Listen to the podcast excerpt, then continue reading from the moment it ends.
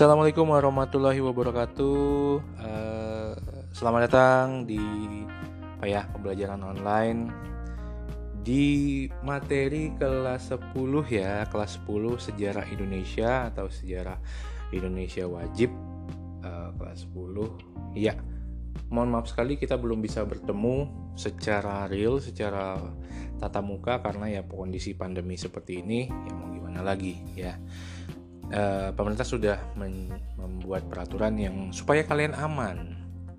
Kenapa? Karena kalau seandainya yang terkena itu kalian dengan imun yang kuat, mungkin kalian tidak akan kenapa-napa, paling kayak kayak apa ya, kayak batuk, pilek lah gitu. Tapi kalau kena ke yang punya penyakit bawaan atau yang lebih tua, kemungkinan mereka akan terkena lebih parah ya. Jadi kita saling membantu tetap cuci tangan rajin cuci tangan. Kalau ke mana-mana keluar-keluar pakai masker jangan lupa uh, terus jaga jarak dengan orang lain ya. Nah kali ini kita akan belajar mengenai materi awal. Mungkin kalian sudah punya buku silahkan ambil bukunya. Kemudian kita akan belajar sama-sama ya. Sementara kita bertatap bertatap suara bertatap suara menggunakan uh, aplikasi ini. Yang saya harapkan ini bisa kalian putar-putar. Maksudnya bisa kalian putar bisa kalian nyalakan bisa kalian dengarkan kapan pun kalian mau gitu ya. Karena uh, dari segi apa ya kuotanya cukup murah. Maksudnya daripada video ataupun yang live streaming. Nah untuk sementara kita akan belajar mengenai sejarah. Apa itu sejarah Sejarah adalah kita akan mempelajari mengenai peristiwa yang sudah berlalu. Penting nggak? Tergantung. Peristiwa yang kemarin ataupun peristiwa masa lalu yang kita pelajari itu penting apabila mereka mempunyai pengaruh sampai dengan saat ini. Contoh, pengaruh misalnya peristiwa proklamasi atau peristiwa kemerdekaan Indonesia. Penting nggak? Penting. Karena apa? Karena itu mengubah jalannya uh, Republik Indonesia mengubah uh, seluruh tatanan kehidupan di Indonesia karena adanya proklamasi tersebut. Bayangkan tidak ada proklamasi, kita masih tetap menjadi jajahan Belanda. Entah apa yang terjadi gitu kan, karena negara jajahan ya. Nah, uh, itu yang yang harus kita pelajari. Nah, sejarah kita akan mempelajari dibagi dua secara umum. Zaman pra sejarah zaman sejarah ya. Jadi atau yang biasa disebut dengan pra aksara dan zaman aksara. Pra itu artinya sebelum. Jadi dibagi menjadi sebelum mengenal tulisan dan setelah mengenal tulisan. Oke? okay? Sebelum mengenal tulisan dan setelah mengenal tulisan. Kenapa tulisan penting? Karena itu adalah salah satu uh, ciri manusia yang berpikir, ciri manusia yang uh, punya pengembangan kognitif yang lebih, ya. Jadi uh, bedanya kita dengan dengan hewan walaupun sama-sama makhluk hidup adalah manusia berpikir dan melakukan sesuatu dan meninggalkan sesuatu pada zamannya. Contohnya tadi tulisan-tulisan kalau kalian uh, melihat buku yang terbitan tahun 1920, 19 1945 itu banyak tulisan-tulisan. Nah, itu dibuat oleh para sejarawan untuk apa? Untuk kita pelajari. Supaya apa? Supaya yang baiknya bisa kita ambil, yang jeleknya tidak kita ulangi. Begitu. Nah, selanjutnya adalah kita akan mempelajari mengenai uh, awal, awal, awal kehidupan manusia di dunia, khususnya di Indonesia. Oke. Nah, yang pertama adalah harus kita pahami pertama kali bahwa menurut teorinya yang di yang dipopulerkan oleh Stephen Hawking bahwa alam semesta ini kosong, tidak ada apa-apa, gelap, nggak ada apa-apa. Ya, tiba-tiba terjadi dentuman besar, namanya Big Bang Theory, yang kemudian menjadi pemicu munculnya kehidupan, bentuk-bentuk kehidupan, munculnya uh, bulan, munculnya bintang, planet, galaksi dan lain sebagainya.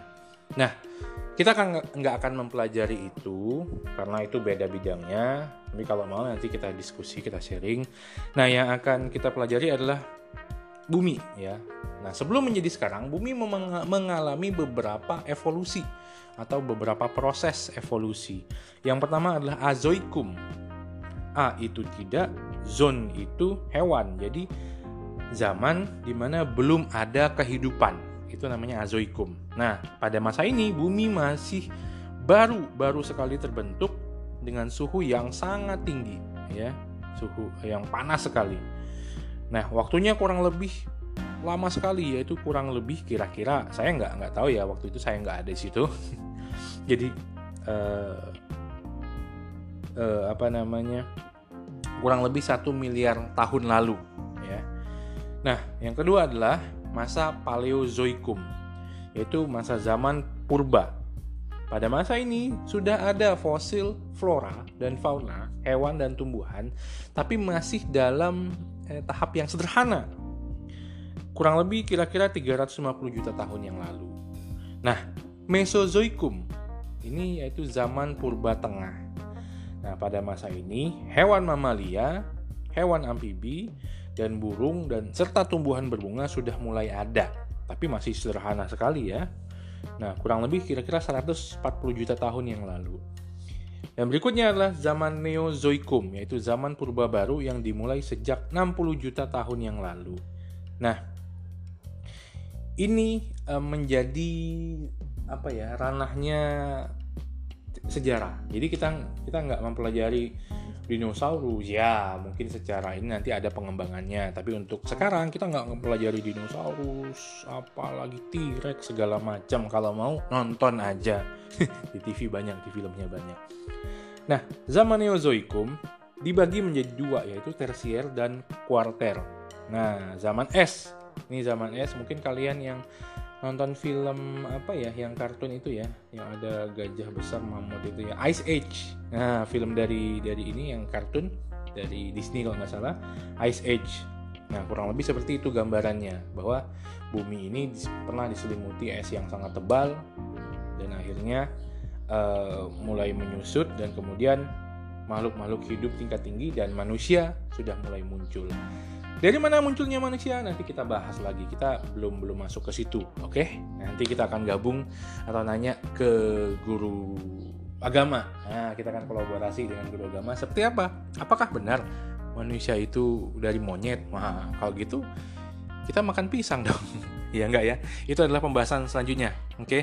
Jadi tetap kita fokus kepada uh, pembelajaran sejarah kita. Nah, saya tambahkan sedikit Mungkin kalian melihat berita beberapa beberapa hari yang lalu atau beberapa bulan, beberapa tahun ya, bahwa Indonesia ini sering sekali terjadi gempa. Nah, sedikit informasi bahwa uh, Indonesia ini merupakan titik temu antara tiga lempeng, lempeng Indo-Australia yang berada di selatan, lempeng Eurasia di utara, dan lempeng Pasifik di timur. Jadi lempeng-lempeng bumi itu berada di jauh di bawah bumi dan akan terus bergerak karena apa? Karena e, menurut teorinya di di inti bumi, di tengah-tengah bumi ini itu e, masih panas, ya. Masih tetap sisa-sisa yang tadi kita sebutkan azoikum itu masih tetap panas dan akan tetap bergerak. Nah, panasnya itu keluarnya dari mana? Keluarnya lewat kalau kalian uh, pernah melihat gunung berapi meletus, nah itu itu adalah salah satu semburan ataupun panasnya bumi. Nah, kalau uh, gunung berapi meletus, laharnya akan keluar sekali karena udara, kena air, dia akan mengeras dan menjadi pulau. Nah, kurang lebih seperti itu dan lempeng buminya akan terus bergerak. Kenapa? Karena bumi ini akan terus bertambah menjadi besar. Bukan bukan sorry, sorry. bukan menjadi besar, tapi kan bertambah uh, kepulauannya, ya. Nah, selanjutnya kita akan masuk kepada masa Paleozoikum di Indonesia. Nah, keadaan geografis kepulauan Indonesia belum terbentuk seperti sekarang. Waktu itu, wilayah ini masih merupakan bagian dari samudera yang sangat luas sekali dan hampir menyelimuti seluruh bumi. Nah, pada masa ini uh, pada masa akhir masa Mesozoikum sekitar 65 juta tahun yang lalu, kegiatan tektonis ini menjadi aktif menggerakkan lempeng-lempeng yang tadi kita sebutkan. Nah, pergerakan-pergerakan pergerakan itu akhirnya membuat atau membentuk kepulauan Nusantara serta eh, pulau-pulau uh, ataupun benua-benua yang ada, ya. Nah, uniknya adalah Indonesia ini terbentuk dari dari gerakan-gerakan tersebut. Nah, konon katanya menurut informasi ya yang saya baca, yang saya pelajari bahwa sebenarnya Indonesia ini bagiannya nanti masuknya awalnya awalnya e, merupakan bagian dari a, a, a, benua Asia ya. Jadi kalau kalian lihat bahwa peta, lihat peta, mungkin bagian-bagian e, ini kalau seandainya kita kayak main puzzle ya, satukan satukan kita arahkan ke atas itu akan nyambung ya akan nyambung dengan Singapura, Malaysia, Asia Tenggara dan lain sebagainya. Nah, di bagian timur di Papua misalnya itu akan bergabung dengan uh, deretan deretan Afrika ya. Eh sorry Afrika. Australia. Nah mengapa? Itulah menjadi uniknya Indonesia bahwa Indonesia ini banyak sekali rasnya. Ya yang dari kulitnya kuning Eh, bukan penyakit kuning ya maksudnya kulit kita nggak terlalu putih juga. Ada juga yang teman-teman kita yang kulitnya hitam ya yang ada di di di benua uh, apa namanya Afrika uh, sorry Afrika. Papua. Papua. Saya nggak rasis ya maksudnya itu itu konsepnya oke? Okay? nah kepulauan Indonesia terbentuk kapan? Kurang lebih sekitar 65 juta tahun yang lalu pada masa tersier. Nah Sebagian besar daratan Sumatera, Kalimantan, dan Jawa itu tenggelam dan menjadi laut dangkal sebagai akibat terjadinya proses kenaikan permukaan laut atau transgresi. Sulawesi pada masa itu sudah mulai terbentuk. Nah, sedangkan Papua sudah mulai bergeser ke utara. Tadi saya bilang di Australia bergeser ke utara. Nah, pada masa Pliocene sekitar 5 juta tahun lalu terjadi pergerakan tektonis yang sangat kuat yang mengakibatkan proses pengangkatan permukaan bumi dan kegiatan vulkanis. Ini pada gilirannya menimbulkan tumbuhnya uh, atau terbentuknya rangkaian perbukitan struktur atau perbukit-bukit yang sangat besar ataupun disebut gunung. Nah, makanya Indonesia ini banyak sekali gunung-gunung berapinya, ya. Karena itu uh, unik Indonesia ini. Salah satu indikasi uh, wilayah yang subur adalah apa ya banyak gunung berapi nah gitu dampaknya apa? Dampaknya dengan banyak gunung berapi kemudian pembentukan Indonesia yang unik ini membuat flora fauna kita bermacam-macam. Dari yang paling kecil kita punya. Ada di Belitung. Uh, apa? Mentilin. Pil, pel, pelilin ya? Ya pelilin. Kalau di Bangka namanya mentilin. Kalau di Sulawesi namanya Tarsius. Ya ada nama-nama ilmiahnya. Yang paling kecil sampai yang paling besar sampai yang uh, badak badak Jawa kalian tahu yang yang besar eh, besar kemudian punya kayak semacam armor itu pelindung itu ada di sini. Burung yang uh, besar sekali yang indah sekali ada di Kasu, Kasuari namanya di Kasuari Cendrawasih di di ini ya di Papua. Nah, flora fauna kita juga sangat besar, sangat uh, sangat sangat beragam sekali. Ini dibuktikan dengan penelitian oleh Alfred Russel Wallace yang menjadi atau membagi Indonesia dalam dua wilayah dengan ciri khusus baik fauna dan floranya.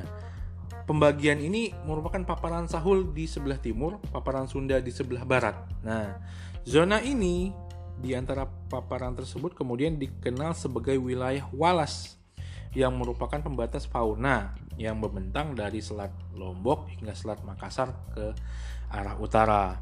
Nah, fauna-fauna yang berada di sebelah barat garis pembatas ini disebut Indo-Malayan Region. Nah, di sebelah timur disebut dengan Australia-Malayan Region garis itu yang kemudian kita kenal dengan garis Wallace. Nah, itu itu sedikit ya tentang tentang awalnya Indonesia.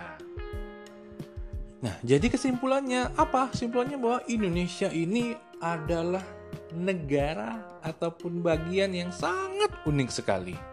Mulai dari awal pembentukannya, kemudian Indonesia adalah salah satu negara kepulauan terbesar ya. Yang eh, wilayah lautnya itu lebih luas daripada wilayah daratnya. Kalau kalian lihat misalnya di di nggak usah jauh-jauh di mana di uh, negara-negara uh, Asia Asia Tenggara itu kebanyakan uh, daratan-daratan daratan semua dan kita alhamdulillah banyak sekali pantainya banyak sekali area-area lautnya. Nah, itulah yang membuat Indonesia unik ya. Dari Sabang sampai Merauke semua berbeda sekali. Baik suku, agama dan budayanya berbeda sekali. Kalau kalian cek sendiri misalnya di di uh, daerah kalian yang di Belitung misalnya antara satu wilayah dan wilayah lain pasti berbeda uh, adat istiadatnya, berbeda penyebutan uh, istilah-istilah kebudayaannya dan lain sebagainya. Nah, itu yang membuat kita unik. Nah, jangan menjadi pemecah tapi harus jadi pemersatu. Itu pembeda ya. Jadi berbeda bukan berarti terpecah tapi harus bersatu karena kita unik sekali. Nah, uh, itulah yang membuat Indonesia unik sekali mulai dari orang-orangnya, mulai dari sumber dayanya dan bahkan sumber daya alamnya. Nah, sumber daya alam kita unik sekali. Kita punya sumber daya di di Pulau Bangka dan Pulau Belitung ya.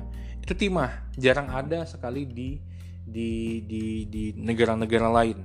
Nah, itu yang menjadi uh, uh, uniknya kita. Dan kemudian rempah-rempah dan segala macamnya. Dan kita akan bahas kepada pertemuan berikutnya. Uh, semoga kalian tetap tetap semangat tetap sehat jaga kesehatan ya. Jangan ke mana-mana kalau tidak perlu pakai masker. Seandainya harus keluar dan jangan lupa cuci tangan selalu jaga kebersihan uh, makan makanan yang bergizi tidur yang cukup tetap sehat pokoknya. Mudah-mudahan kita doakan pandemi ini cepat berlalu. Oke? Okay? Iya. Assalamualaikum warahmatullahi wabarakatuh.